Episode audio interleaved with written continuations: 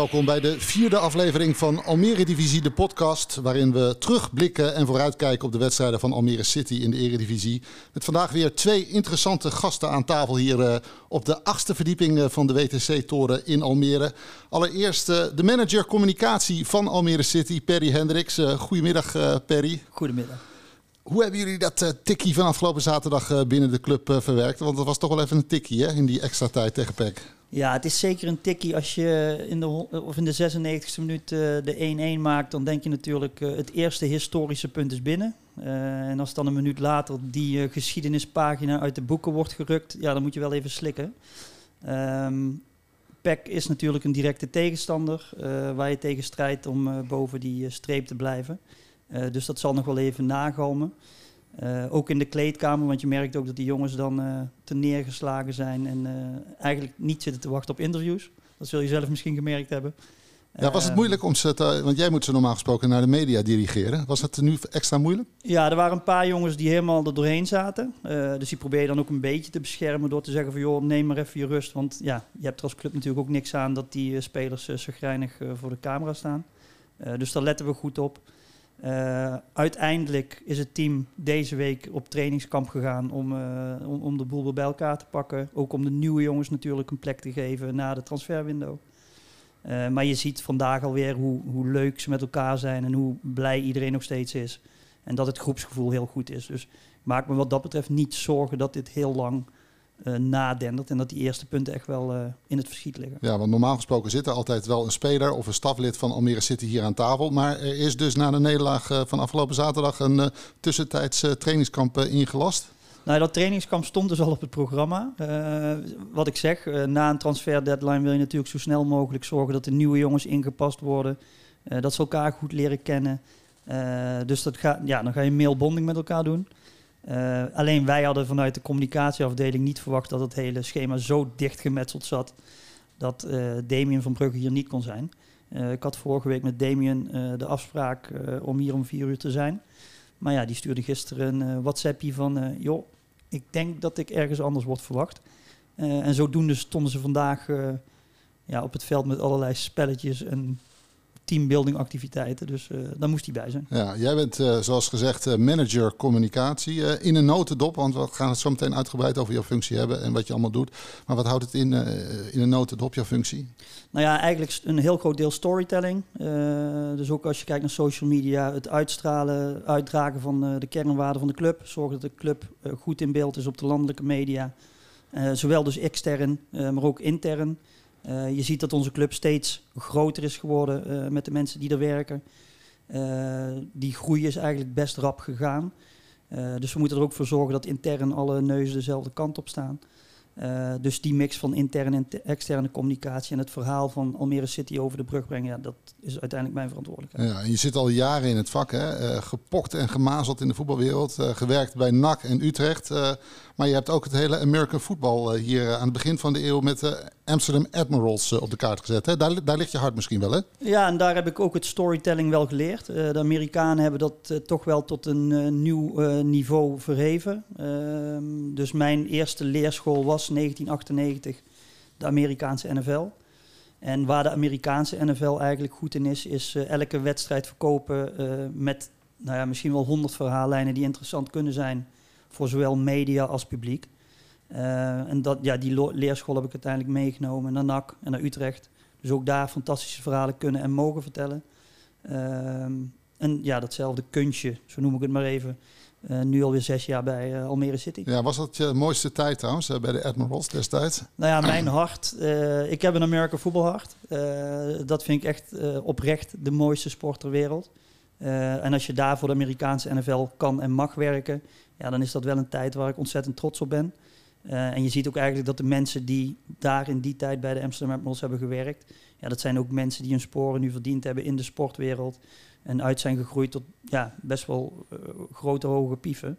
Van KPN tot uh, eBay Eh, dus ja, dat ik in die leerschool heb mogen eh, leren, ja, daar ben ik zeer erkentelijk voor. Ja, we gaan straks uitgebreid met jou verder praten over je huidige job dus binnen de club. Ik kan me voorstellen dat je een hele drukke zomer hebt gehad richting de eredivisie.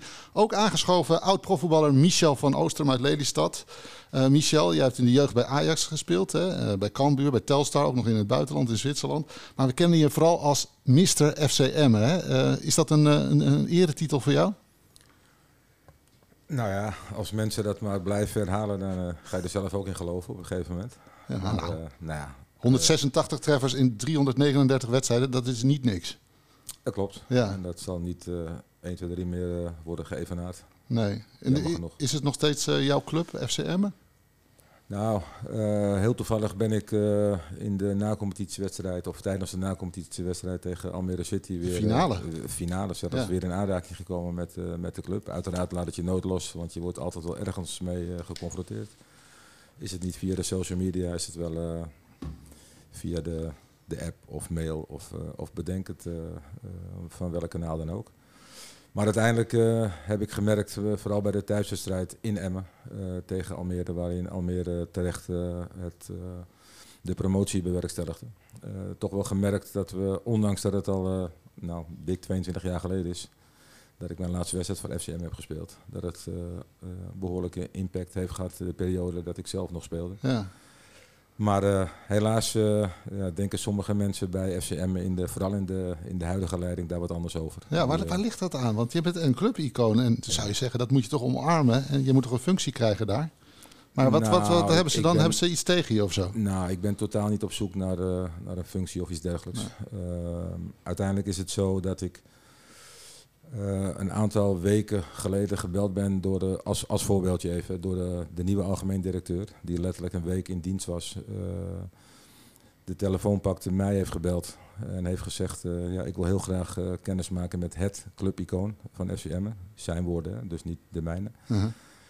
En um, uiteindelijk ben ik naar Emmen gereden. Ik heb een gesprek met hem gehad. En uh, na twintig minuten stond ik weer uh, buiten, omdat ik totaal geen idee had uh, wat nou precies de bedoeling was van mijn invitatie bij de nieuwe algemeen directeur. Aardige man trouwens. Um, en die vervolgens aangaf.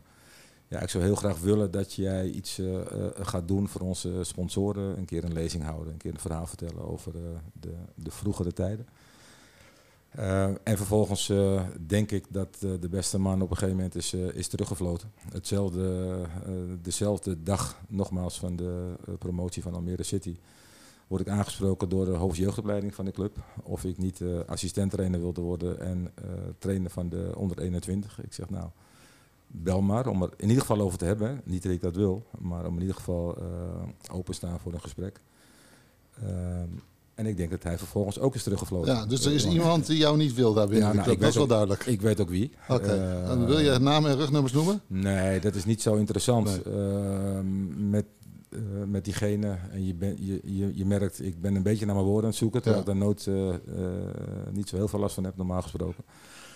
Maar in dit geval ben ik een beetje voorzichtig. Ik wil ook niemand uh, nee. beschadigen of de club in discrediet nee. uh, brengen. Dat, dat verdienen ze totaal niet. Maar het komt erop neer dat je in ieder geval tegengewerkt wordt door een, een, een gezaghebbend persoon. Een, een, eh, iemand met veel invloed binnen de club. Ja, en diegene heb ik nog een keer op uh, verzoek van een, een grote sponsor van FCM. Echt een hele grote.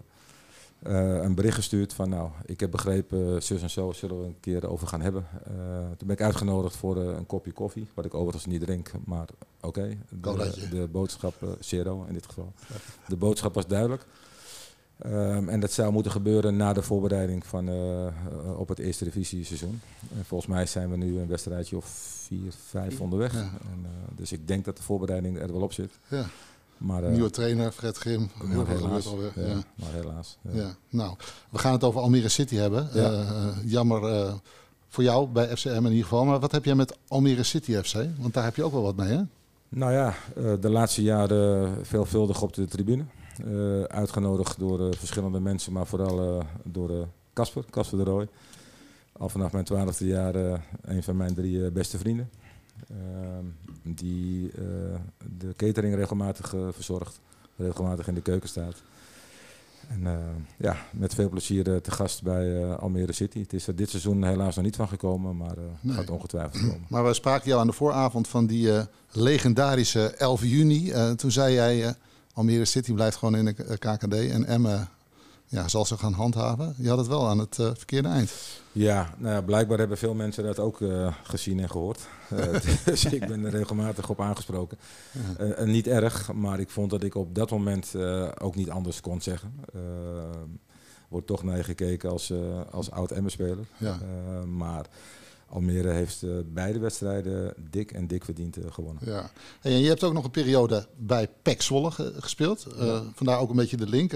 afgelopen zaterdag natuurlijk Almere PEC. We denken, nou, het is leuk om Michel van Oostrum, veel scorende spits en oudspits dus ook van PEC Zwolle. Wat, wat, was dat voor een periode voor jou? Dat was eind jaren 80 geloof ik, hè?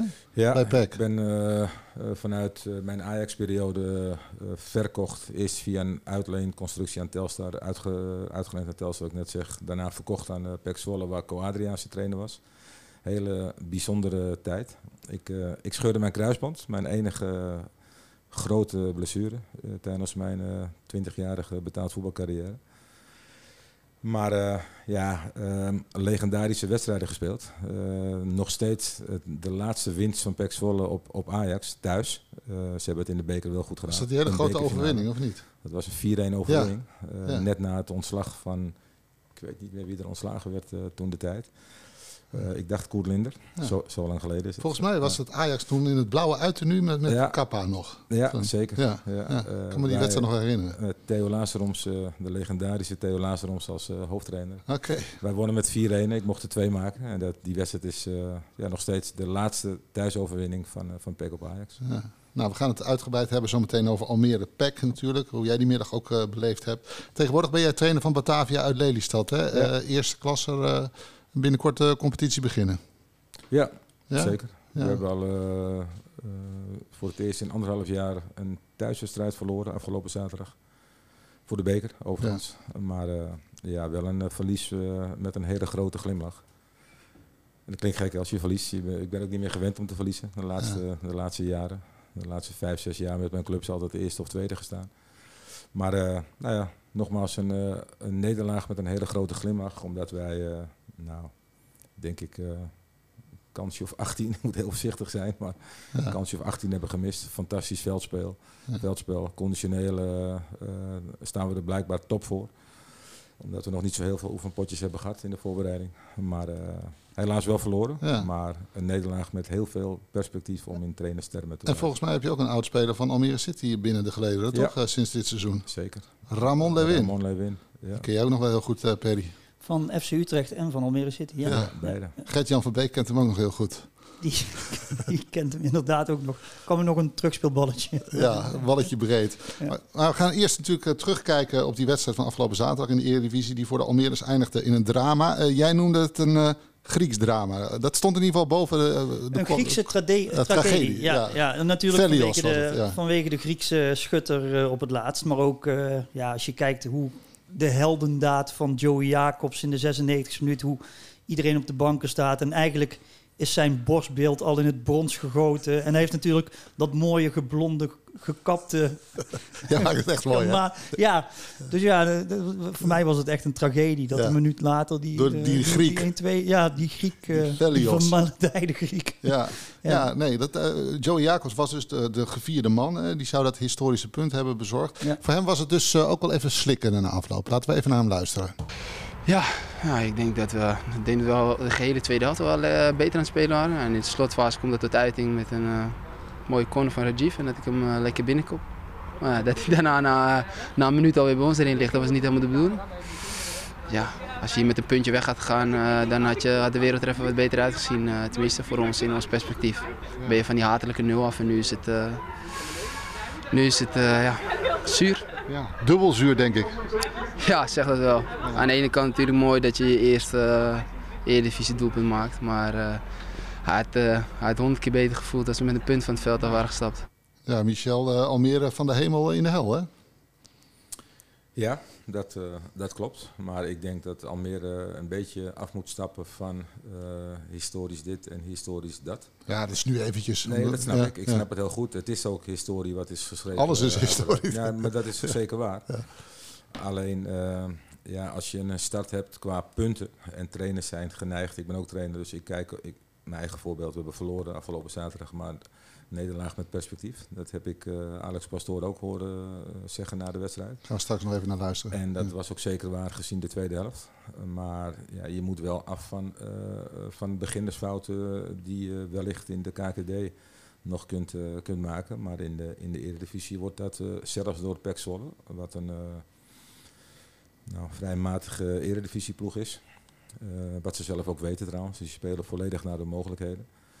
Uh, ja, moet dat er uh, eigenlijk vanaf uh, Excelsior uit wel, uh, ja. wel een beetje vanaf. Ja. Want je bent wel een beetje geschrokken van het niveau van Almere. Nee, zeker nee? niet. Maar vooral kijk naar de, naar de 0-1. Fantastische kolen uiteraard. Ja, van de berg. Maar als je, volgens mij was het Damien zelf die de bal wegkopte vanuit ja. een voorzet. Ja, nee, hij was net behandeld ja, voor ik een... Heb het, ik heb het gezien. maar uiteindelijk, A, voorzet mag niet gegeven worden, zo makkelijk. Nee. En B... Uh, wordt je eigenlijk al geleerd uh, om als centrale verdediger, als je een bal wegkopt, dat je hem niet uh, door het centrum wegkopt, maar dat je hem links of rechts ja. wegkopt. Ja. En, dat en er stond ook niemand om die nou ja. van de berg eventjes op te vangen. Dat dus, dus dat hij hem wegkopt is logisch, maar dat hij hem ja, precies voor de, voor de voeten van, van Van de Berg kopt is, is jammer. Maar hij schoot hem wel echt lekker binnen. Ja, natuurlijk. dat had je ook niet verwacht. Dat is een fantastische goal. Ja. Maar goed, uh, als je hem daar niet wegkopt, schiet hij hem ook niet binnen. Ja, en uh, Perry, uh, jij zat er ook om ook het verslag te maken voor jullie natuurlijk. Het was, het was wel een wedstrijd met twee gezichten. Hè? Eerste helft had Almere eigenlijk helemaal niks in de melk te brokkelen. Pek, heer en meester. En Almere mocht eigenlijk blij zijn dat het bij rust misschien slechts 0-1 was? Nou ja, dat, dat, dat constateerden wij ook. Dat uh, de eerste helft heb je daar eigenlijk uh, weinig tegen in te brengen. Uh, Noordin Bakker houdt ons volgens mij twee keer goed op de been. Um, en dan zie je eigenlijk wat wel vaker gebeurt is, ook in de voorbereiding, dat we de eerste helft nou ja, minder spelen, maar dan totaal anders die kleedkamer uitkomen. Ja. Dat zag je in de voorbereiding ook. Twee keer met 2-0 achter gestaan. Twee keer dat omgebogen naar een 2-2. Uh, en nu begin je eigenlijk vanaf de 46e minuut uh, begin je die klopjacht. Ja. Uh, ja, en zie je dat we de, ja. de overhand hebben. Nou, eigenlijk hetzelfde lakenpak als met Fortuna. Hè? Weet je, de, de, eerste helft eigenlijk ook helemaal dronken gespeeld bijna. Ja. En in de tweede helft was je alleen maar de bovenliggende partij. Dus dat moet ook wel uit. Nou ja, precies hetzelfde verhaal. En ik denk, nou ja, wat jij aangeeft, als je, als je twee keer ook, want bij Feyenoord uit natuurlijk hele snelle, dat, hele een snelle. hele snelle tegendoelpunt krijgt. Ja ja, dan, dan loop je natuurlijk al meteen achter de feiten aan. Dan zie je ook meteen wel, denk ik, dat je strijdplan, uh, ja, zul je meteen moeten aanpassen, want je moet meteen in een hele andere modus. Ja, wat mij een beetje opviel, uh, Peck in volledige controle in de eerste helft, maar uh, Almere met name heel slordig in de openingsfase. Zomaar ballen inleveren, koopmijners van La Parra, gewoon hele simpele ballen gewoon in de voeten van de tegenstander.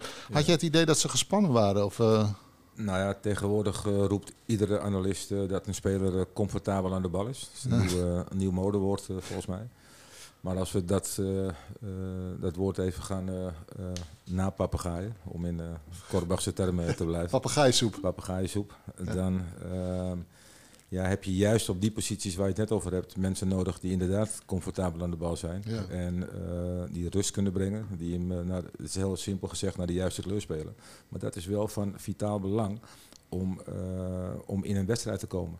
En je gaat in de Eredivisie geen wedstrijden winnen puur omdat je keihard werkt. Want iedereen werkt hard in de, in de, in de Eredivisie. Het gaat echt om momenten. Voetbal is sowieso een spel van momenten. Wordt via momenten beslist. Nou, dit is het, mooiste, het allermooiste voorbeeld, uh, uh, de 1-2 nederlaag tegen Zwolle. Dat zijn cruciale momenten ja, die er, zoals ik net al uh, in het eerste zinnetje van mij begon, ja, dat, die dingen moeten er echt uit. Wil je, wil je, gaan, wil je gaan oogsten en heel snel punten gaan halen. Ja, en, en nogmaals, makkelijk gezegd, maar... Ja. Het zijn cruciale fouten. Het liep dus niet in de eerste helft. En uh, Alex Pastoor die uh, past ook al snel een wissel uh, toe. Hè? 25e minuut. Akuyobi, de rechtsback, die werd gewisseld. Die was met stomheid geslagen. Floranus die verhuisde naar de rechter, rechter, ja. rechtsbackpositie. En Royo kwam op linksback te spelen. Snapte jij die wissel? Want Almere had het wel lastig met die, met die linkerflank van Peck, hè? Nou, vooral, uh, kijk, voetbal is altijd uh, uh, A, de spel van momenten.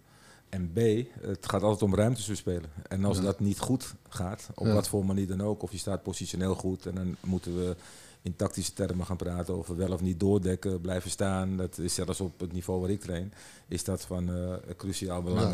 maar je snapte de wissel? Nou ja, ik, ik snap uh, dat er iets moet uh, gebeuren. Kijk, een, een, een, trainer heeft zijn eigen gedachten daarbij altijd. En dat een speler na een minuut of 25 wordt gewisseld en daar niet blij mee is, ja, dat snapt uh, ja. de hele wereld. Ja, want hij was met stomheid geslagen. Hè? Je zag de verbazing op zijn gezicht. En hij ging ook gelijk richting kleedkamer. Nou ja, je zag het, het bord omhoog gaan met de wisselnummers. En iedereen zat elkaar een beetje aan te kijken van staat er nu echt nummer 20? dus je zag hem ook wijzen naar zijn borst van hebben we het over mij? En ik kan me ook wel voorstellen, uh, ja. ja het, het, gebeurt niet zo vaak natuurlijk dat je in de eerste helft uh, een wissel toepast. Nee. Meestal gebeurt dat met een, met een snelle rode kaart of als, als, het, als er echt stront aan de knikker is. Dus ik snap uh, de verbazing. Vanuit de spelersperspectief zeker, ja. Ja, nou... Al, ja. Nou ja, het is vaak een, een houding van een speler natuurlijk die, die niet gewend is om gewisseld te worden misschien. En daarnaast uh, het tijdstip van, uh, van wisselen. Ik heb ooit in mijn Berkham-tijd uh, in Zwolle, toen nog het hoogste amateurniveau in Nederland, een speler na 25 minuten ook gewisseld. Die liep naar die kant en die zei dankjewel trainer. En dat meende hij oprecht, want die werd... Je voelt zichzelf ook zo slecht? Nou ja, hij kwam, nog van een, hij kwam nog van een BVO, dus hij was een ander niveau gewend. Oh ja. En uiteindelijk ja, is zelf, ref, zelfreflectie is, is best lastig voor, de, voor voetballers. Voor een heleboel spelers geldt dat. Maar uh, als de speler uiteindelijk na gaat denken en uh, wat rustiger is en tot rust gekomen is, dan. Uh... Ja. Almere had dus eigenlijk helemaal niks in de melk te brokken de eerste helft, maar had wel gewoon op 1-1 kunnen komen als Nachtegaal de bal op de stip had gelegd. Hè? Want die McNulty die duwde hem eigenlijk gewoon keihard in zijn rug. Uh, ik vond het eigenlijk een penalty. Wat vond jij? Ja, ja nou zeer zeker. Maar ja. uh, kijk, een, een scheidsrechter uh, kan iemand voor zijn neus hebben op dat moment dat hij even verkeerd staat of ja. dingen niet ziet. Maar dan maar, kan de VAR toch ingrijpen? Nou, dat zou het volgende zijn wat ik wilde vertellen.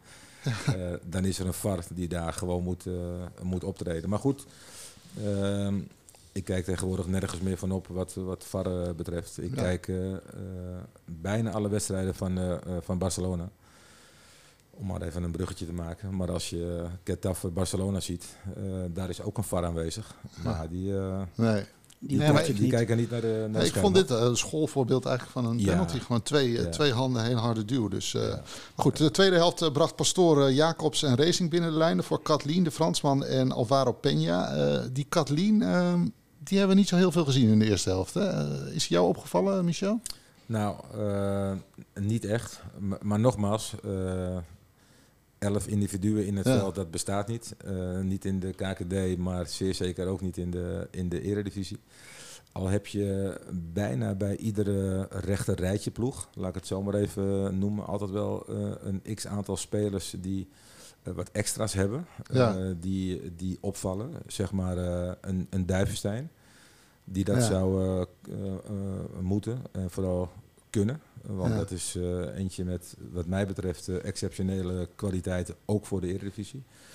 Dus dat een andere daarbij wat ondersneeuwt, dat ja. is niet zo... Uh, ja, dit was een uh, basisdebuut, maar wat wel opviel, hij mocht bijvoorbeeld wel de corners nemen, maar die, die liepen voor geen meter. Die, die kwamen heel laag voor. Dat was, zag er niet uit. Dat dus.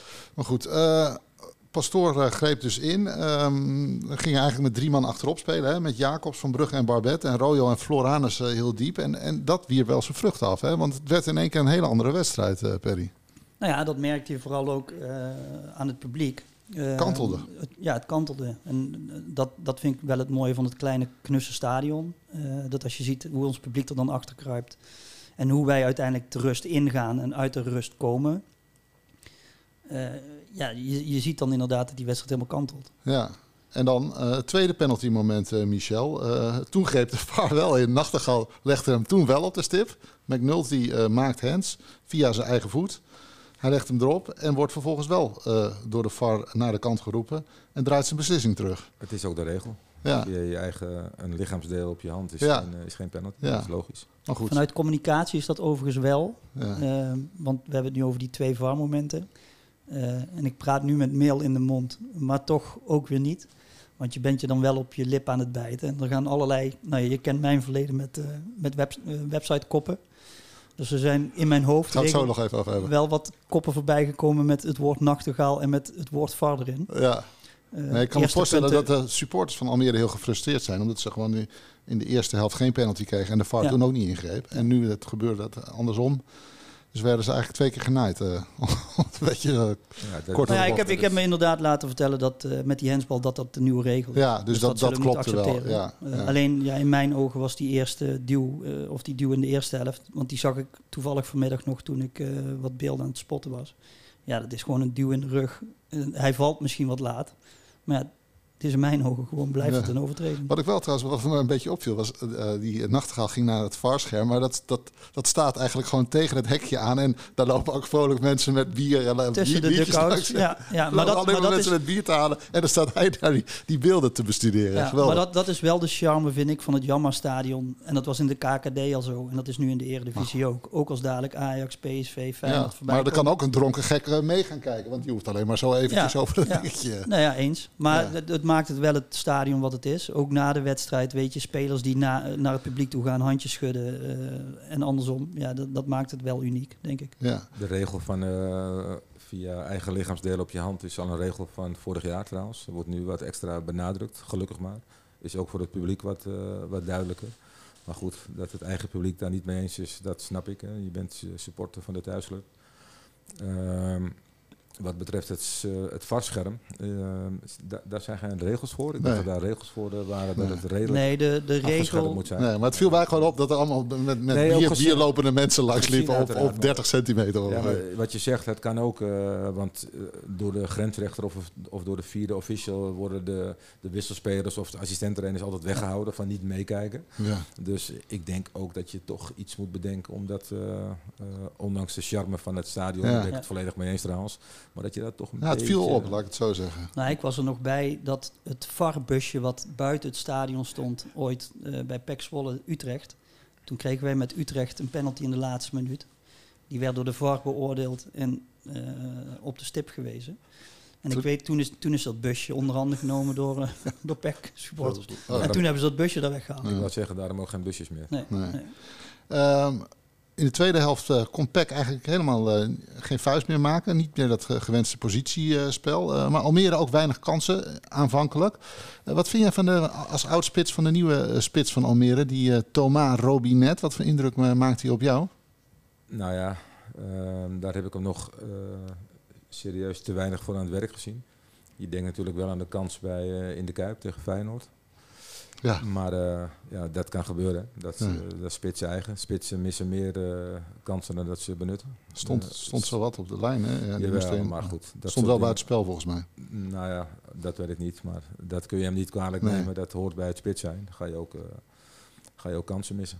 Als je maar eh, op het plekje staat waar je hoort te staan. En dat, eh, en dat staat hij. Maar goed, het is geen spits die, eh, die 26 man zal passeren en, en zijn goal zal maken. Nee. Dus die afhankelijk zal zijn van, van medespelers. Ja. Die bediend moet worden. En dat moeten meer spitsen hoor. Maar ik hou zelf ook wel van spitsen die, eh, die meevoetballen. Die, Ja. Eh, Hij werkt wel heel hard. Hij loopt eh, ja, maar slag dat, in de weer. Hij Ja. eh, werkt heel hard. Niet voor iets minder hard werken en scherp voor de goal zijn. Maar ze hebben bijvoorbeeld de Hilteman weggedaan, Jerry. Hilteman. En dat is een publiekslieveling. Die ken jij ook nog wel van Emmen. Jij kent hem nog van NAC. Was ook gewoon topscorer bij Almere, maar die hebben ze gewoon van de hand gedaan. Terwijl die vorig jaar best wel belangrijk was. Snap jij dat? Nou ja, ehm, ik werd zelf ook al- altijd bestempeld als een eh, echte eerste divisie eh, spits. Wel een eerste divisie die toen eh, niet te veel eh, romantiseerde vroeger, maar wat sterker was dan de, de laatste jaren in de eerste divisie. Zeker met de, jongploegen die erbij zijn, is het niveau wat mij betreft eh, belachelijk eh, gekelderd. Nou, terwijl ze tegenwoordig Eredivisie Light noemen. Ja, maar dat komt door de namen van de ploegen die in de KKD actief zijn. Dus die snap Ja. ik wel. Ja. Eh, maar het niveau wat erbij hoort, dat, eh, dat is niet eredivisiewaardig. Dat, Nee. eh, dat kun je mij niet wijsmaken. Nee. Maar Dus maar terugkomend op Hilterman Ja. inderdaad. Ja, ehm, ik denk beoordeeld door de club als zijnde van eerste divisie niveau, top is, eerste divisie. En niet geschikt voor de, de speelwijze die wij willen hanteren in de Ja. eredivisie. Nou, dan moet uh, Robinet het maar uh, gaan doen. Nou, in de slotfase haalt Pastoor van Brugge eraf, maar Mengi als extra aanvaller. en dat, dat plan slaagt uiteindelijk met die, met die vreugde-explosie. Alleen, ja, wat, wat, wat gaat er dan mis na die, na die 1-1? Want eh, dan gaan ze toch weer naar achteren lopen. Hè? Wat ze eigenlijk de hele tweede helft niet hebben gedaan, gebeurt dan toch. Uh, denk ik, uh, misschien wel uit consequentie naar die goal. Nou ja, ik heb diverse jongens daar natuurlijk naar gevraagd. Van joh, hoe kan het dat je niet met het mes tussen de tanden daar staat om iemand gewoon neer te sabelen als die bal überhaupt er aan de voorkant komt. Maar ik heb me nu laten vertellen dat deze bal, zoals die gegeven werd door Verlanas, ja. en op de kop belandt van, uh, van onze Griekse nou ja, anti-held in dit geval. Ja, dat dat een bal is die je er niet uit had kunnen halen. Want hij, nou ja, misschien Verlanas die, die geeft hem in één keer uh, voor. Uh, Dus dit was echt een bal die uit de hemel kwam vallen. Ja. Als we dan toch in de die had niet geblokt kunnen worden, die bal van Verlaanders. Koopmijnen stond er volgens mij bij. Nou, die voorzet, die, uh, de genoemde voorzet, dat was eigenlijk op zoek naar, op zoek naar geluk. Ja. En dat snap ik in de laatste minuut. de situatie daarvoor aan de zijlijn. Ik denk dat daar best wat meer actie ondernomen had mogen worden om daar inderdaad iets te bedenken. Uh, kijk, het, het achteruitlopen. Gaat iets vergelijken met de uh, kwartfinale op het WK Nederland-Argentinië. Nederland maakt 2-2. Ja. Uh, die waren volle bak uh, ja. druk aan het zetten, vooruit zetten, alles afjagen. En toen in één keer niet meer. 2-2, gaan achteruit en zijn kansloos. Nogmaals, ander niveau. Hier wordt de centrale verdediger naar voren gedirigeerd, vervolgens weer, weer terug. terug maar Mengi. Heel erg logisch is, echt logisch. Alleen ja, dan moet je wel alle voorwaarden voor jezelf creëren om om in ieder geval uh, dat punt uh, binnen te slepen. Ja. Historisch punt, door jullie, uh, door jullie genoemd. Ja, ja. Maar voordat de voorzet op hun spits kwam, ehm, is er in mijn beleving een moment om, om iets te doen uh, Waardoor in ieder geval niet meer de bal vooruit gespeeld kan worden. Ja. Een ingooi, een, een, voor mij part een vrije trap die je met z'n allen kunt. Uh, die kan er ook in gaan, hè, laat duidelijk zijn. Maar in ieder dat geval zei iets, Alex Pastoor volgens mij na afloop ook. Ja, in ieder geval iets bedenken om, uh, om de bal niet meer naar voren te laten, gespeeld te laten worden. Maar die 1-2 valt dan. En ja, het was een hele bizarre slotfase. Want dan wordt de wedstrijd ook weer gestaakt. Omdat er een biertje gegooid werd, volgens mij vanuit het uitvak. Hè? Ja. En dan is de regel, degene die dat biertje heeft gegooid, die moet verwijderd worden uit het uit. Is dat eigenlijk überhaupt gebeurd? Of gebeurt dat? Uh, nou, het is een nieuwe, nieuwe regel uh, sinds dit jaar. We zijn uh, voor het seizoen door de KVB hier in Zeist van op de hoogte gebracht dat als er een biertje gegooid wordt en de dader wordt gepakt en meteen uit het stadion geëscorteerd, dan speel je binnen die bepaalde minuten weer En dat is dus gebeurd? Ik stond in de catacombe, uh, overleg met PEC uh, en met uh, onze veiligheidsmeneer Esra. die hebben overleg gehad en daar werd inderdaad gesteld door de beveiligingsbeambte van PEC Zwolle dat de dader gepakt was en afgevoerd was. Ja. Uh, meteen een bondje op de scheidsrechterdeur en uh, we konden weer beginnen. Ja, en het rare is dat er heel veel mensen naar huis, die dachten eigenlijk al dat er, volgens mij dachten heel veel mensen dat er al af was gefloten. Want heel veel mensen gingen huiswaarts. Uh, nou ja, heel raar eigenlijk, ja, maar je, moet je, je, moet je, ook de situatie voorstellen in het stadion. Dat je, we, we zaten daar met 3800 mensen. Ja. En ik kan me voorstellen in de 97e minuut, als je net die 1-2 als kaakslag hebt gehad. Ja. Uh, dat je dan als supporter ook denkt, joh, ik ga lekker snel naar mijn auto. Uh, want voordat, voordat dit afgelopen is, sta ik dadelijk uh, ja. midden in de file en ik kies eieren voor mijn geld. Ja, ze, hadden wel, ze hadden nog wel de 2-2 kunnen missen op die manier. Maar Mengi kwam nog aardig dichtbij. Ja. Was, was toch een, een krankzinnige slotfase, Michel? Zo, dat leek een beetje op basketbal, weet je wel. Nog, nog één aanval. Ja, of Amerika voetbal. Nog een aantal meters te gaan. Ja. Maar uiteindelijk uh, persoonlijk word ik een beetje moe van dat uh, gooien met, uh, met bier en het daardoor staken van, van wedstrijden. Ja. Volgens mij was het bij Almere Pek één plastic bekertje. Een plastic bekertje wat ja. op het veld lag. Dat het voor het milieu niet goed is, snap ik. Maar om een wedstrijd te staken... ja, maar jij moet één lijn trekken. Ja, dat weet ik. ik dat snap ik. Alleen ik word er wel een beetje... Je ziet al dat het enorm... Het, gebeurt bijna niet meer. En als je dat vergelijkt... Nee, ja, wat, dat betreft het wel zijn vrucht nou, Wat dat betreft is het perfect natuurlijk. Maar als het zoals nu gebeurt... Uh, ik vraag me ook af, uh, kijk, het, het, ik ben net gegooid door een uh, Zwolle supporter. Ja. kijk, die hebben er ook geen belang bij dat bij een 2-1 de wedstrijd gestaakt nee. wordt. Want dan komen er misschien weer wat krachten vrij bij Almere. We kunnen nog even wat afspraken maken van nou, laatste minuut we hebben, of 30 seconden, bedenk het. We gaan nog even zus en zo. Dat is niet echt slim natuurlijk, maar goed, ja. gooien is sowieso niet slim. Nou ja, dat gebeurde bijvoorbeeld in de play-offs tegen VVV, die wedstrijd. Ja. Toen gooiden ze ook vanuit VVV de beker op het veld. VVV had totale overhand op dat moment. We moesten een kwartier naar de kleedkamer. Ja. Strijdplan aangepast. We kwamen uit de kleedkamer en we die wedstrijd alsnog uit, over de streep getrokken. Dus je, ja, je dient niemand mee uiteindelijk als supporter. Nee, maar goed, supporters hebben niks te maken met met tactische plannetjes of met afspraken die Gelukkig gemaakt worden. Niet. Nee, zeker niet. Maar die, uh, ja, die denken er helemaal niet bij na. Nou. Maar dat zie je ook bij zo'n wedstrijd, bijvoorbeeld uh, Willem II uh, NAC. Ja, die is NAC vanochtend het restant om half elf ingehaald. NAC staat met 3-0 voor, dus je kunt op je klompen aanvoelen dat dat bekertje ergens over de reling vanuit frustratie gaat. Ja. Dat die wedstrijd gestaakt wordt. 1-4 geworden in de trainer ontslagen. Ja, ja de actualiteit is dat Robbermond is uh, ontslagen vandaag. Nou, die 2-2 die viel uiteindelijk dus niet uh, teleurstellend. Uh, Almere had misschien wel recht op een puntje, net als tegen Fortuna, dus net niet. dat ene historische punt. 0 uit 4 dus. Maar volgens trainer Alex Pastoor is er nog geen reden tot paniek. Deze ploeg zal steeds beter worden en dat heb je ook vandaag weer gezien. Ehm, maar op dit moment hebben we, uh, we hebben wel vier goals gemaakt. Dat is nog iets positiefs. We hebben aangetoond in letterlijk elke wedstrijd dat we dit niveau prima aankunnen. En nu is het aan ons om de volgende wedstrijd tegen Excelsior uit aan te tonen dat we dat gewoon 90 minuten aankunnen. En dat we het aankunnen met 1-0 voor of, of 1-0 achter, dat, dat weten we al een heel tijdje. Want er zit gerust wat in, maar ze moeten de schroom veel meer van zich afgooien. Ben je het eens uh, met deze lezing uh, van uh, pastoor Michel?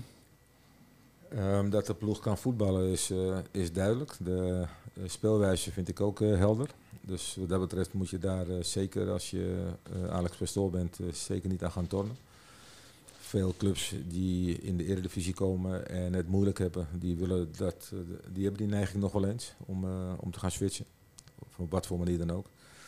Zwolle heeft ook geswitcht van uh, speelwijze. Vorig jaar vaak met drie, soms met twee. En uh, afgelopen wedstrijd volgens mij met, uh, met z'n twee gespeeld. een grootste gedeelte van de wedstrijd. Dan ja, doe je jezelf tekort, vind ik. En je, je zoekt een speelwijze die past bij de, bij de spelers en bij de trainer. In die volgorde ook. En volgens mij is dat prima. Ja, verwacht je dat de punten wel gaan komen? Nou, er zal een keer een punt uh, gehaald worden. Het historische punt is, uh, uh, komt ja. steeds dichterbij.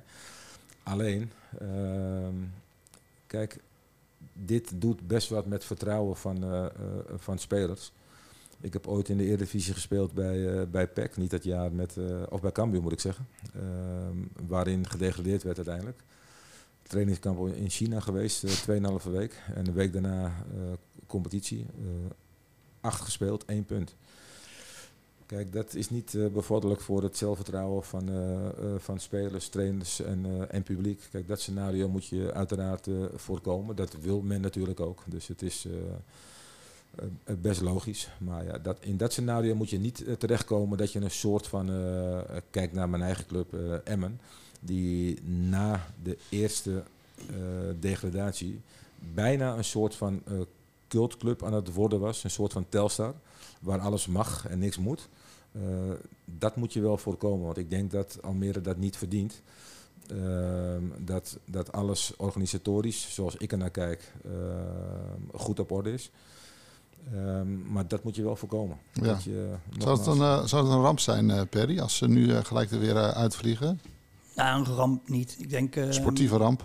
Nou ja, sportief denk ik dat, je een, een, dat het een tikkie is. Uh, maar wat hier ook aangegeven wordt, ik denk dat wij er organisatorisch gewoon hartstikke goed voor staan.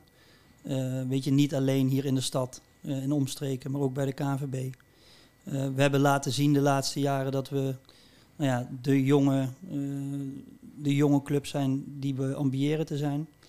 Um, heel Zeist kijkt eigenlijk met, met ogen naar ons van wat we nu weer bedenken en wat we nu weer doen. er zijn ook dit jaar weer voorbeelden van. Um, dus ik denk organisatorisch uh, zal het even slikken zijn. Maar uh, pakken we de boel weer op als het zo is. Ja. En blijven we gewoon doorbouwen aan, uh, aan de club die we willen zijn. Ja, het werd dus uiteindelijk 1-2 teleurstellend. Onze verslaggever Joep was natuurlijk ook van de partij in het Jammerstadion. Joep die ons tegen Feyenoord een punt had beloofd. En zaterdag tegen PEC een overwinning. Dat klopt zeker, Martijn. Maar voorspellen blijkt niet helemaal mijn sterke kant. Die glazen bol laat mij toch wat vaker in de steek. Ik, ik waag me er gewoon niets meer aan. Puntje in de kuip kwam er niet. Hetzelfde geldt als een drie punten tegen Pek Zwolle. Afstandsschot van Davy van den Berg. Die zit trouwens op voetbal. Zeg, wat een heerlijke goal. In de slotfase van de wedstrijd dan toch nog die 1 tegen 1 voor de mannen van Pastoor. Waar het niet dat je toch echt moet wennen aan de keiharde wetten van de eredivisie. In de slotseconde van het duel is daar Velios. En dus toch nog 1 tegen 2. 0 voor City en 3 voor de Prins Hendrik kende. Disbegeert Niemer combinatie uit. Nu een interlandperiode, wat moet je daar nou in doen? Almere City weet helemaal niet wat dat is. Altijd spelen op vrijdag in de KKD en nu dus echt een leeg programma. Misschien investeren in de Franse taal, want Hansma die haalt een na de andere Fransman na de polder. Beetje van een à droite à gauche, à oui à non, lekker na de nonnen in Vught. Het zou denk ik een goed idee zijn voor de spelers, maar in elk geval voor Pastor. Mannen, geniet van de uitzending. Ik luister lekker mee. En Martijn, amigo Hermano, heel graag tot volgende week. Au revoir. Ja, dat was uh, onze verslaggever uh, Joep. We sluiten het wedstrijdgedeelte even af, Perry. We gaan het even hebben over jouw job. Michel, doe gerust mee met, met, met oh, als je vragen hebt over, over de job van Perry. was, was het een drukke zomer voor jou? Uh, nou ja, ik wist wat er aan zat te komen. Uh, natuurlijk NAC uh, in de eredivisie meegemaakt. Utrecht in de eredivisie meegemaakt met Erik ten Hag. Dus ook Europees gespeeld. wist wat een eredivisie promotie zou betekenen voor de club. geprobeerd collega's daarvan op de hoogte te stellen. Geprobeerd? geprobeerd, ja. Maar je kunt je daar toch geen voorstelling van maken totdat je erin zit. Maar jij was dus eigenlijk een van de weinigen binnen de club die weet wat daarbij komt kijken. Moet ik het zo een beetje zien of niet? Uh, nou ja, volgens mij één van drie met eredivisie-ervaring. Als je dan uh, Johan Hansma meetelt, uh, hebben we Dave, sales director, die komt van Emma af. Heeft een paar promoties en degradaties meegemaakt. en daar blijft het bij. Inderdaad. Ja, en Alex Pastoor natuurlijk. Ja. ja. Maar er moest dus een hele hoop geregeld worden. Wat met name? Wat, nou was, dat, de, wat was de moeilijkste opdracht? Nou ja, dat zit vooral in facilitair. Ehm, als je naar de eredivisie gaat, krijg je natuurlijk maken met ESPN. Uh, een veelvoud van ESPN, want natuurlijk hadden we in de KKD hadden we ook een ESPN-crew. Alleen dat was vaak beperkt tot één camera standpunt en uh, gaan. Ja, nu hebben we volgens mij acht camera's. We hebben goalline-technologie, we hebben VAR-camera's. Uh, we hebben het cameraplatform uit moeten breiden. de perskamer moet uiteindelijk onder handen worden genomen, want nou ja, we zijn twee wedstrijden, thuiswedstrijden onderweg. Te klein. Die puilt uit. Ja. dus daar zijn plannen voor. Ehm, we krijgen te maken met het feit dat we mee moeten doen in de e-sports divisie. Uh, Dus wij moeten nog voor 17 oktober nog ergens drie e-sporters uh, zien te ritselen. Oh, dat, daarover ben je nog niet aan het scouten? Daarover later meer. Ja. Nee, ja, we zijn wel aan het scouten. Alleen het plan... Dat ja. ben je, je bent dat verplicht, hè? Ja, Want Almere zit gewoon in het PlayStation-spel. Uh, ja, dus, we, zit, we, zitten in FIFA. Tegenwoordig heet FIFA oh, trouwens anders. Maar we zijn erin vertegenwoordigd met, met het hele tenue. Uh, de spelers die krijgen ook binnenkort hun uh, rating te horen. Dus dat is ook wel weer een leuk stukje content natuurlijk. Oh ja. Om te zien dat uh, heel langzaam ben, of... een 92 heeft. Ja. kijken die spelers ook halsrijker naar uit. Maar we zijn dus nog op zoek naar drie e-sporters. Dat moet nou, het, de komende weken allemaal zijn beklijf krijgen. Tijd begint wel te tikken. Zeker. we moeten, kan, jij, kan jij een beetje PlayStation, Michel? Nee, totaal niet. totaal niet. kan je nog aanmelden bij Perry? Nee, joh. Merken voetbal speel ik wel heel goed op de PlayStation. Oh, FIFA nog niet. Nee. Um, ja, en dan uiteindelijk uh, het belangrijkste ook vanuit ESPN is uh, twee documentaires die we dit jaar moeten gaan maken. Oké. En dat natuurlijk naast onze ambities dat we op social media eredivisie waardig willen zijn. Ja. Dus ja, je hebt ongetwijfeld op social media ook bij ons gezien dat we er alles aan doen om daar ook het niveau omhoog te gooien. Ja. En die documentaires, eh, mag je daar zelf, uh, dan mag je zelf bepalen waar dat over moet gaan? Of, Wij, uh, er is een lijst met uh, preferred suppliers vanuit ESPN. dus daar hebben we gesprekken mee gevoerd. Je mag ook zelf een, een partij aanvragen alleen, of aanbieden. Alleen dan moet dat helemaal door de malle molen bij ESPN. Dus daar hebben we niet voor gekozen. Al die partijen die we gesproken hebben, die zijn met suggesties gekomen voor onderwerpen. Uh, nou, die hebben we eigenlijk kritisch onder de loep. En er is nu nog een shortlist van twee partijen zijn er over. En daar moeten wij komende week een beslissing over maken met welke partij we in zee gaan. Ja. Uh, en dan moeten we documentaires gaan produceren. Ja, maar dat wordt dan eigenlijk gewoon een soort documentaire. Kijk je achter de schermen eh, eh, van het eerste jaar in de Eredivisie. Zoiets moet ik zeggen. Dat is een van de onderwerpen Ja. eh, die op tafel liggen. Ja. Ja, ja. En je- bent dus eerder actief geweest bij NAC en Utrecht. Wat is nou het, het grote verschil? Dat zijn natuurlijk grote volksclubs. Hè? En Almere City, met alle respect, is een van de kleinste eh, profclubs van Nederland. Wat is het grote verschil om, om nou hier te werken? Er ligt veel meer uitdaging natuurlijk. Ehm, nee, ik, ik draai het om. Ik denk dat, eh, dat het makkelijker werken is hier. Ehm, bij NAC, eh 110 jaar oud inmiddels. Eh, Utrecht, eh 51 jaar inmiddels. Eh, Er zijn zoveel ongeschreven wetten en regels. Ehm, er zit zoveel druk op vanuit de supporters die eh, eigenlijk ja, een deel van de regie bepalen. Eh, en dat is bij Almere City door de beperkte historie juist nog niet. Dus alles wat ik bij NAC en bij Utrecht hoorde, kan niet, hebben we al eens gedaan, eh, dat moeten we hier niet doen. Ehm, dat hoor je bij Almere City nooit, Nee. omdat alles wat we doen is nieuw. Dus jij bent als een kind in de speeltuin of een kind in de snoepwinkel. eh. Nou ja, en dat is, wel, dat is wel de reden, denk ik, waarom ze na zes jaar nog steeds blij met me zijn. ja. Eh, ik heb nou eenmaal een andere denkwijze dan de meeste mensen op mijn vakgebied. Ja. Dus ik zoek ook vaak de randjes op. Ja. Komen we ongetwijfeld op terug. Eh, dus daar komen ook ideeën uit van Ali de Aap tot aan eh, het roadshow shirt met de buttons. ja. Ja, je moet er iets van maken. En dat kan alleen En je krijgt volledige vrijheid. Eigenlijk eh, elk idee dat in je opkomt mag je gaan uitvoeren. Nou, of is of is, inmiddels- er- is het ook heel anders werken qua budget, eh, eh, me- mediabudget, bij een club als Almere vergeleken met NAC en Utrecht? Ja, en we moeten qua budget moeten we wel op letten. Want we hebben niet dezelfde budgetten als Utrecht en Ja. bij, bij NAC. Ehm, het is wel zo dat als ik zelf al twijfel over een idee, en dat geloof me, dat gebeurt ook wel eens, heb ik nu de afspraak dat ik het wel ga toetsen met mensen om me heen. Ja, En dat ik niet meer klakkeloos koppel op een website zet Ja. zonder die eerst even te checken. ja. Ehm, waardoor bijvoorbeeld ook de afgelopen wedstrijd daar een iets koosjere kop stond dan de kop Die je ik aanvankelijk En dit, was, dit was eh, Griekse tragedie. Hè? Maar je bent een storyteller, hè? zo noem je jezelf ook een beetje. Welk verhaal probeer jij te maken eh, in Almere rondom de club? Nou ja, Welke story wil jij vertellen? nou, uiteindelijk is dat het verhaal, en volgens mij heeft John Best dat ook wel een keer hier eh, geroepen. Kijk, wij zijn eh, nu op het punt dat we 18 jaar worden, eh, dat we van puper af zijn en dat we volwassen worden. Ja. Nou, die hele fase van kind zijn, puper zijn, nu volwassen worden en dan doortrekken. Ja, dat is een verhaal wat parallel loopt eigenlijk aan de stad en de club. Eh, en dat is een verhaal wat we willen laten zien. Van ja, we maken fouten, maar we mogen fouten maken, want we zijn nog jong eh, en We hebben nog een beetje puberpuisjes. puperpuisjes. eh, dus we maken stomme beslissingen, maar uiteindelijk wel met de bedoeling om er beter van te worden. Ja. Michel, heb jij het idee dat Almere echt al een volwassen club is? Wat? Nee? Nou, de- naar deze... De meeste clubs in, Ja. de, in de KKD zijn eh, volwassen clubs. En ook een aantal clubs met een eh, behoorlijke historie, zeker dit jaar. Ja. Eh, maar ik hoor terecht al zeggen dat de club meegroeit met, met de mogelijkheden in de, in de stad. Nou, dat gebeurt wat mij betreft meer dan genoeg.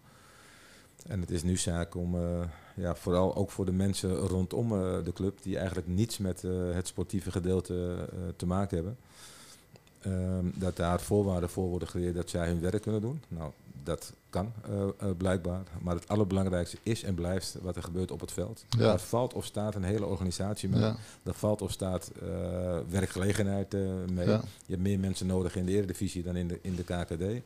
Eh, het is niet altijd over tragedie gesproken eh, een ramp dat een club degradeert voor de spelers, maar juist voor het, eh, het personeel. Kantoorpersoneel. Kantoorpersoneel. Dat zag je bij Emmen, hè? Daar moeten ja, er keer heel veel mensen Heel, heel bizar. Ja. Maar goed, maar ik was er eens nieuwsgierig. je noemt een aantal clubs waar je hebt gewerkt. Daar vinden ook gewoon transfers plaats, blijkbaar. Dus Nou ja, we hebben, nou ja eh, vanuit, personeel bedoel je? Nee, vanuit jezelf. Ja, nou ja, we Eh, hebben uiteindelijk... Utrecht, eh, NAC en eh, Almere. Ik ben uiteindelijk eh, de voetballerij ingerold 2012. Eh, en na vier jaar werd ik eigenlijk ge, nou ja, geheadhunt door eh, Wilco van Schaik hemzelf bij, eh, bij FC Utrecht. Eh, dus daar twee gesprekken gehad. En wij zaten net eh, weer terug in de KKD met NAC. We waren gedegradeerd. Promoveerden dat jaar niet, ondanks de finale bij eh, Willem II. Eh, en het aanbod wat Utrecht daar neerlegde, ondanks dat mijn hart bij NAC lag. Ja, dat, dat was er eentje gebaseerd op geld. Eh, dat is een eh, beslissing waar ik heel lang spijt van heb gehad. Want mijn moeder zegt altijd, volg je hart, dan komt het altijd goed. Nou, ik koos toen voor het geld. Dat heb ik moeten bekopen.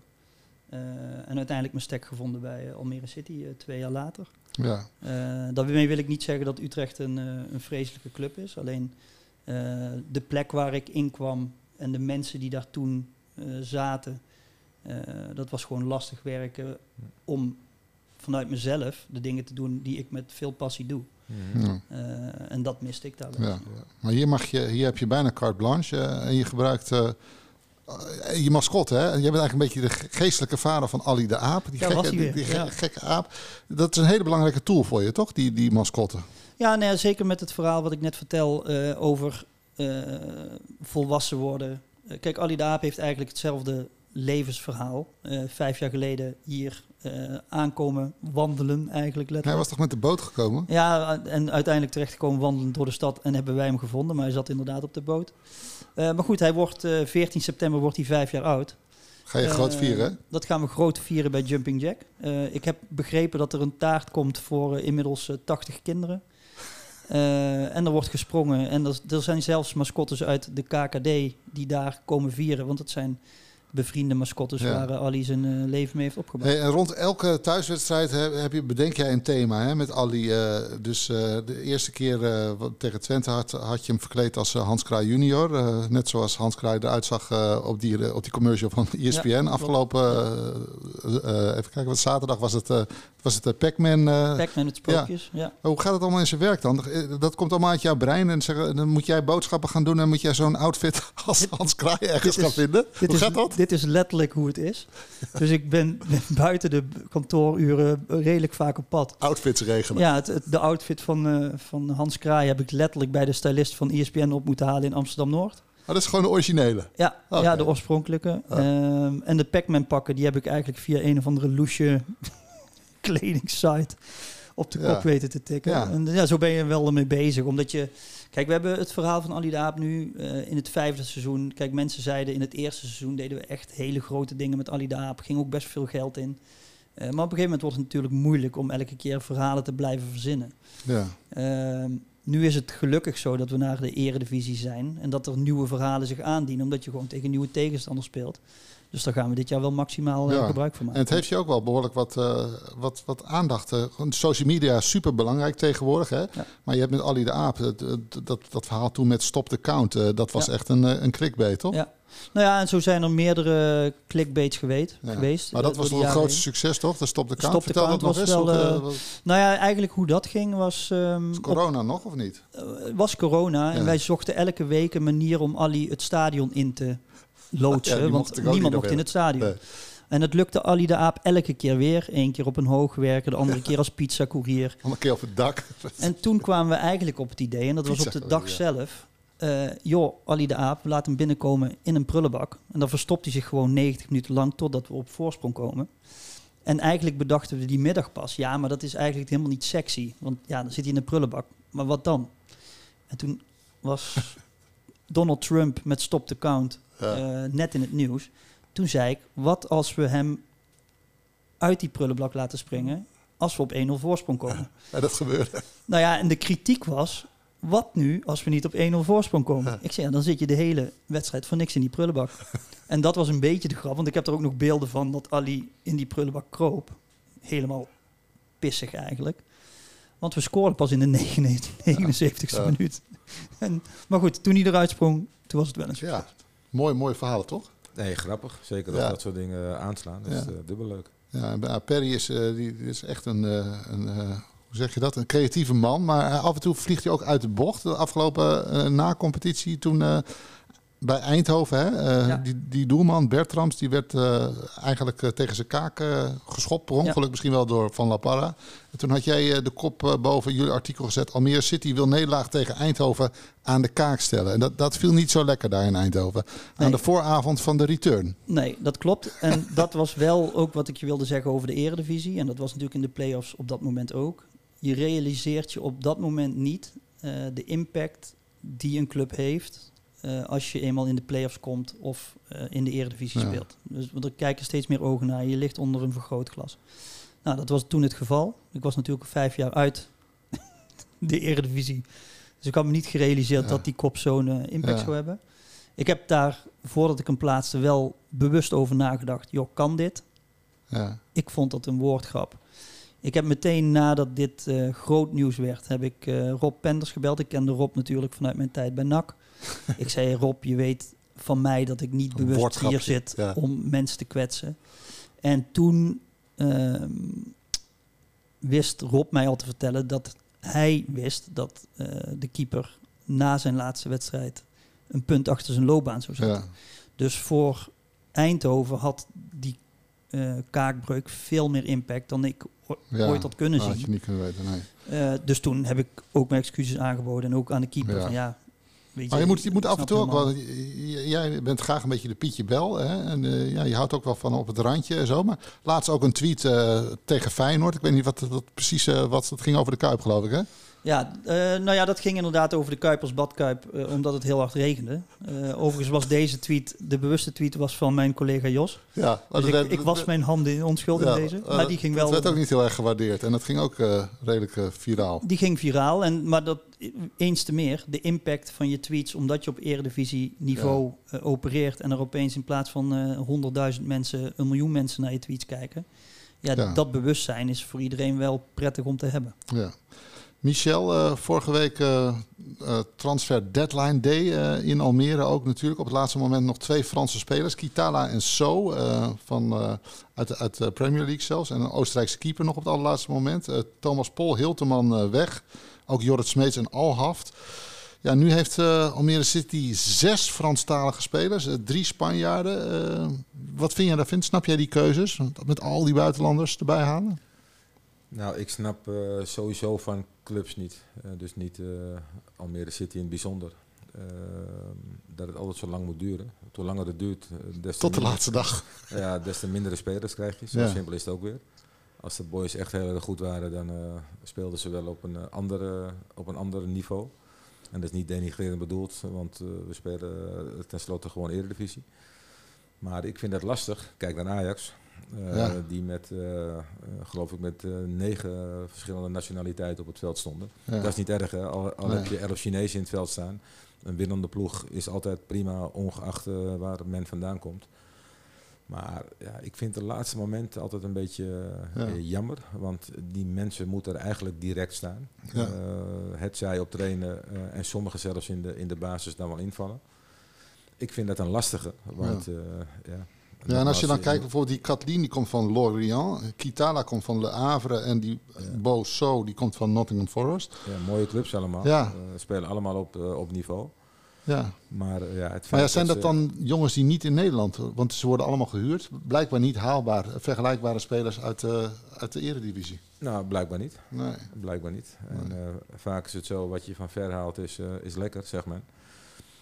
Nou, Maar dat moet zich altijd maar eh, bewijzen. En dat, ik vind dat lastig, omdat je eh, waarschijnlijk missen ze wat, eh, wat trainingen, misschien conditionele achterstand. Dat weet ik niet. Hè. De- ze zullen bij hun eigen club ook gewoon normaal volle bak getraind hebben. Maar om in een nieuwe omgeving, zeker als jonge jongen, want volgens mij zijn het allemaal jonge jongens, om, om daar goed te acclimatiseren. Ja. Ik, vind het een, ik vind het een hele moeilijke. Maar dat vind ik aan dit specifieke geval wel weer een pluspunt. Ik heb bij NAC bijvoorbeeld een keer eh, Divine Na hebben we, eh, hadden we onder contract. Maar die jongen die liep helemaal met zijn hart onder zijn ziel door Breda.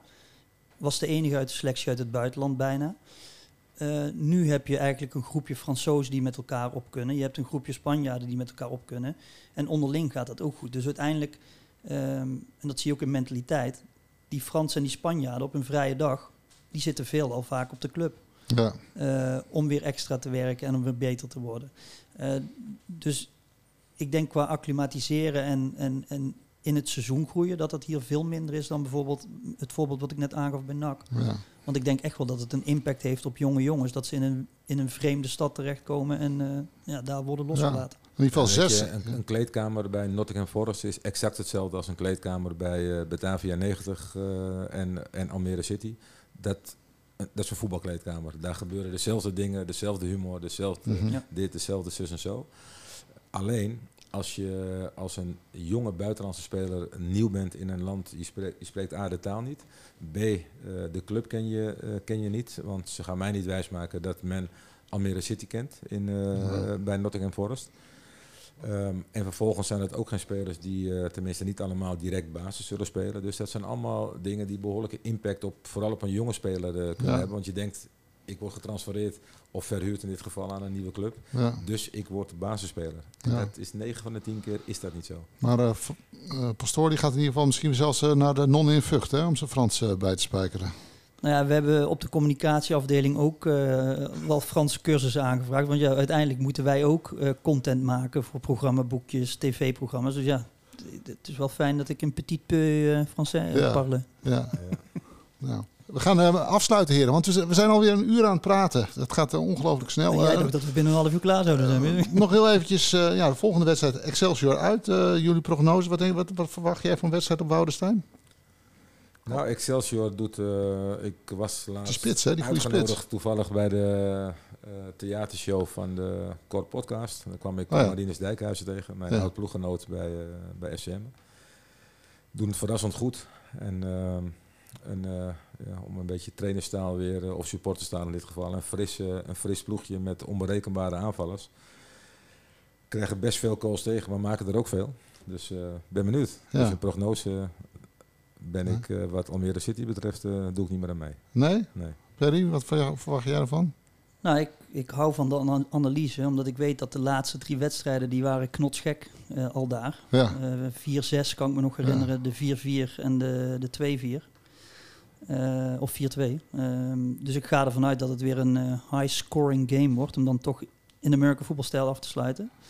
Uh, en ik zie ons daar eigenlijk wel drie punten wegpakken, als ja. ik zo vrij mag zijn. Nou, tot zover deze vierde aflevering van Almere Divisie podcast. Michel, bedankt voor je komst. Geen dank. Succes met Batavia 90. wat is de doelstelling in, die, in die eerste klasse? Nou, voor het eerst in de historie eerste klas met deze club. Ik zal het nog maar een keer benoemen. Ja. Ook historie, uh, ja. Ja, ook historie geschreven. En wat is de doelstelling dan? Nou, Met Ramon Lewin en Coutinho, de doelman. Nou, Coutinho is een uh, fantastische gozer, is uh, keeperstrainer geworden. Oh, is en begeleidt okay. onze keepers ja. en dat ja. bevalt geweldig. Ramon Lewin is de rust zelf, zowel binnen als buiten het veld. En helpt onze jonge spelers om, om te presteren. Is voor mij prettig op trainen erbij. Ik vind dat wij voor een eerste klasser, we zijn ingedeeld in West, dus dat is voor ons ook wel even wennen. Uh, met uh, zes andere, nee vijf moet ik zeggen, vijf andere gepromoveerde clubs. Dus ik ben heel nieuwsgierig hoe wij ons daar kunnen presenteren. Maar ja. ik heb er uh, doelstelling, doelstelling heel kort veel nog? vertrouwen in. Ja, we gaan altijd voor het hoogste halen. Gewoon weer promoveren naar de nou, vierde ja, divisie. Wij, dat, dat, willen we gewoon en ik, dat is, zal niet gemakkelijk zijn, want we krijgen nogmaals eerste klasses tegenover ons zijn we niet gewend. Maar wij hebben echt een goede ploeg en een geweldige trainer. Perry, jij ook bedankt. Uh, jij blijft uh, leuke, gekke dingen verzinnen. En allereerst ga je je concentreren op de verjaardag van Ali de Aap. Uh, dat is inderdaad, als ik even nadenk, de eerste grote evenement op de kalender. Dus ja. daar zullen we iets moois van moeten maken. Succes. dit weekend dus geen voetbal vanwege interlandvoetbal. En dus ook geen podcast volgende week. Maar over twee weken dan melden wij ons weer. voor nu bedankt voor het luisteren. En dus tot over twee weken.